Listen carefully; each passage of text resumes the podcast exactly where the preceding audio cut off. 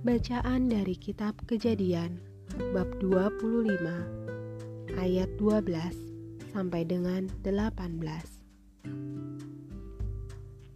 Keturunan Ismail. Inilah keturunan Ismail anak Abraham yang telah dilahirkan baginya oleh Hagar, perempuan Mesir hamba Sarah itu.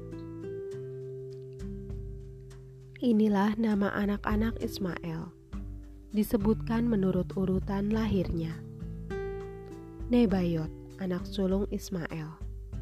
Selanjutnya Kedar, Adbeel, Mipsam, Mishima, Duma, Masa, Hadad, Tema, Yetur, Nafis, dan Ketmah.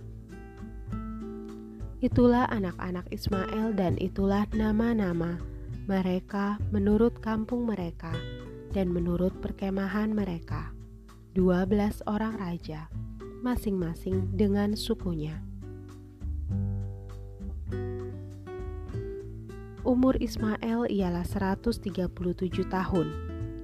Sesudah itu ia meninggal. Ia mati dan dikumpulkan kepada kaum leluhurnya mereka itu mendiami daerah dari Hawila sampai Syur dan letaknya di sebelah timur Mesir ke arah Asyur.